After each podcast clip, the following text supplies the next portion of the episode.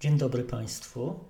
Y, w marcu 2020 roku, w momencie kiedy armia, wojska rosyjskie są na przedmieściach Kijowa, na Telegramie, na komunikatorze Telegram, a także y, w serwisie społecznościowym w kontakcie pojawił się następujący materiał. Ukraińcy, szanowni zachytniki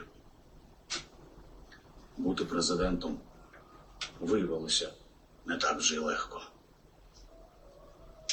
Я змушений приймати складні рішення.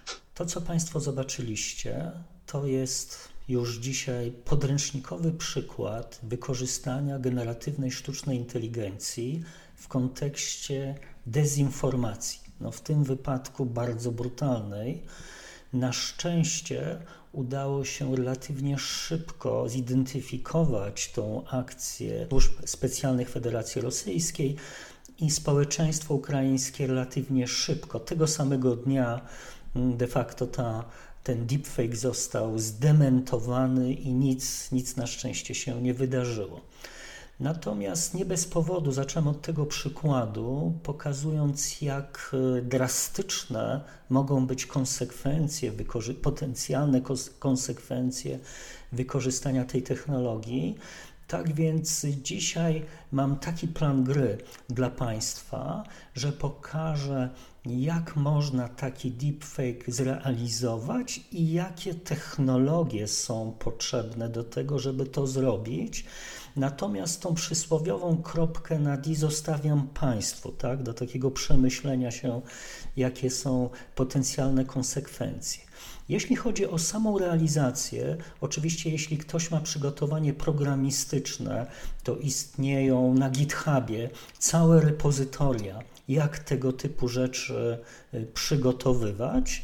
Natomiast ja Państwu y, pokażę taki scenariusz bardziej prosty z wykorzystaniem publicznie dostępnego oprogramowania, które pojawiło się na jednym ze startupów, które oferuje usługi związane z generatywną sztuczną inteligencją. Zapraszam serdecznie. Postaram się teraz Państwu pokazać króciutko stronę www firmy Synthesia.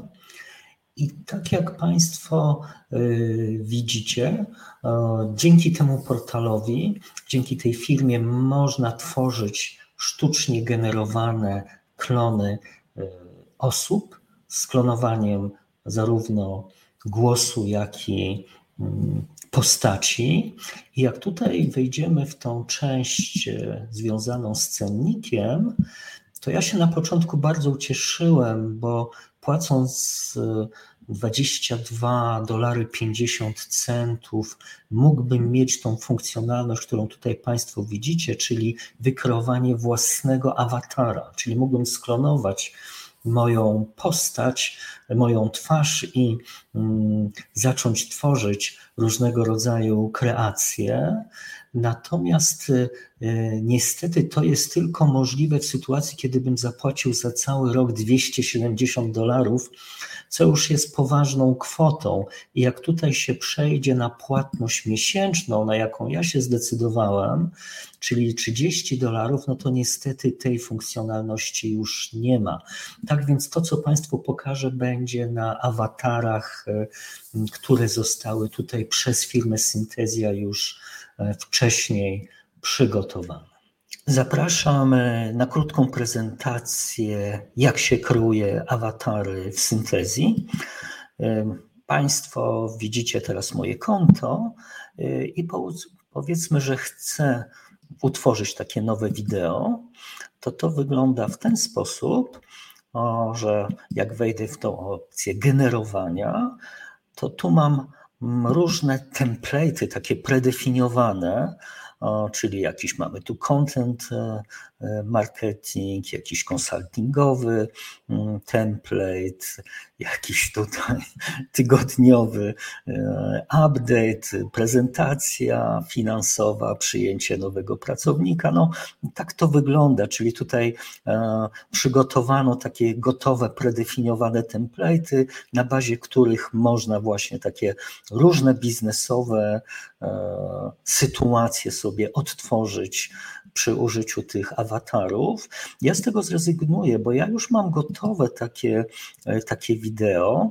Przygotowałem sobie, mm, opracowałem taką wirtualną asystentkę Zosię, czyli wybrałem tutaj już z tych predefiniowanych awatarów e, awatar tej dziewczyny, czyli w tle tu jest aktorka, która użyczyła swój wizerunek, aby takiego awatara stworzyć. Mm, jak to wygląda? Ja mam już tutaj przygotowany tekst, e, jaki ta, e, ta, ta moja wirtualna asystentka ma wypowiedzieć.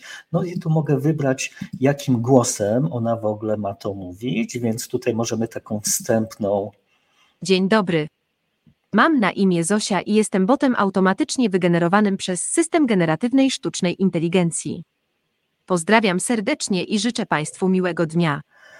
No to tu już widzimy, jak ona mówi, i teraz następuje proces synchronizowania, tutaj tej opcji generate, synchronizowania tego tekstu w języku polskim. Tak na marginesie, tutaj w ramach tego systemu jest kilkadziesiąt różnego rodzaju języków, więc spokojnie ona może mówić po chińsku, po francusku i tak dalej. Y, ja już ten proces generowania zrobiłem. On trwał kilkanaście minut i finalnie efekt wygląda y, w taki sposób. O, tutaj zobaczmy, jak już tutaj Zosia będzie mówiła ten tekst, ruszając ustami z całą tą jakąś taką gestykulacją twarzy. Dzień dobry. Mam na imię Zosia i jestem botem automatycznie wygenerowanym przez system generatywnej sztucznej inteligencji. Pozdrawiam serdecznie i życzę Państwu miłego dnia. No, tak to wygląda w praktyce. Proszę mi wybaczyć, że nie jestem w koszuli, tylko w t-shircie, ale mogę już tak się swobodnie ubrać, bo skoro mam tą moją wirtualną asystentkę Zosię, to mogę spokojnie w, je, w jej rękach zostawić dalszą część tego filmu. Czyli ta część już taka techniczna, jakimi technologiami robi się deepfake'i w rękach Zosi. Bardzo proszę. Dzień dobry. Nazywam się Zosia i chciałabym przedstawić Państwu krótkie wprowadzenie do podstaw tworzenia deepfake. Moja prezentacja oparta jest o pracę dyplomową napisaną przez Grzegorza Surmę w Polsko-Japońskiej Akademii Technik Komputerowych. Promotorem tej pracy dyplomowej był dr Bartłomiej Balcerzak. Pracę napisano po angielsku, tak więc skorzystałam z Google Translate. Pierwotnie fałszywe wiadomości to były wyłącznie treści tekstowe. Jednak wraz z postępem w dziedzinie uczenia maszynowego, zarówno w aspekcie oprogramowania, jak i sprzętu, w końcu stało się możliwe tworzenie również fałszywych treści graficznych, obrazów i sekwencji wideo. Na przykład dzięki tej technologii możliwe jest tworzenie realistycznie wyglądających obrazów ludzi, którzy nie istnieją.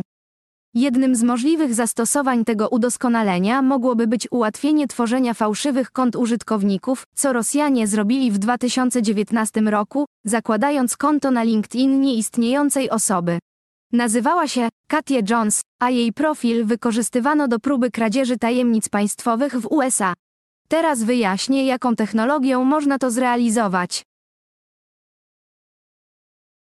W 2014 roku Ian Goodfellow opublikował przełomowy artykuł pod tytułem Generative Adversarial Networks, która stanowiła znaczącą innowację zarówno w obszarach widzenia komputerowego, jak i uczenia maszynowego. Początkowym celem Generative Adversarial Network było wygenerowanie próbek odzwierciedlających dany zbiór danych. Na przykład, jeśli zbierzemy zbiór danych dotyczących psów, będziemy w stanie wytrenować sieć GAN przy użyciu tego zbioru danych, która ostatecznie będzie w stanie wygenerować fikcyjne próbki podobne do zdjęć prawdziwych psów. Generator przyjmuje szum losowy jako sygnał wejściowy i generuje próbki jako sygnał wyjściowy.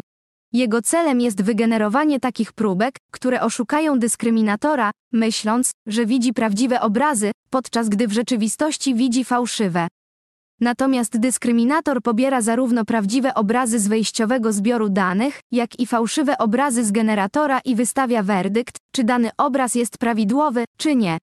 Możemy myśleć o dyskryminatorze jako o policjancie próbującym złapać złych, jednocześnie wypuszczając dobrych. Sieci GAN są zaprojektowane tak, aby osiągnąć tak zwaną równowagę nasza. Innymi słowy, zbiegają się one do stanu, w którym dyskryminator ma 50% dokładności, co oznacza, że nie jest w stanie odróżnić rzeczywistych danych wejściowych od fałszywych. Generator ma 100% dokładność, a wszystkie próbki są tak dobre, że dyskryminator uważa je za rzeczywiste. Zrozumienie powyższego aspektu GAN w teorii gier jest kluczowe w ich trenowaniu, ponieważ osiągnięcie dokładnej równowagi pomiędzy generatorem i dyskryminatorem jest konieczne dla ich zbieżności i w efekcie uzyskanie wiarygodnie wyglądającego deepfake. To tyle z mojej strony tej krótkiej prezentacji. W imieniu swoim i profesora Surmy pragnę Państwa pożegnać i życzę miłego dnia. Aha! Bym zapomniała. Przecież jeszcze ten żenujący komunikat na koniec, oczywiście łapki w górę i proszę o subskrypcję.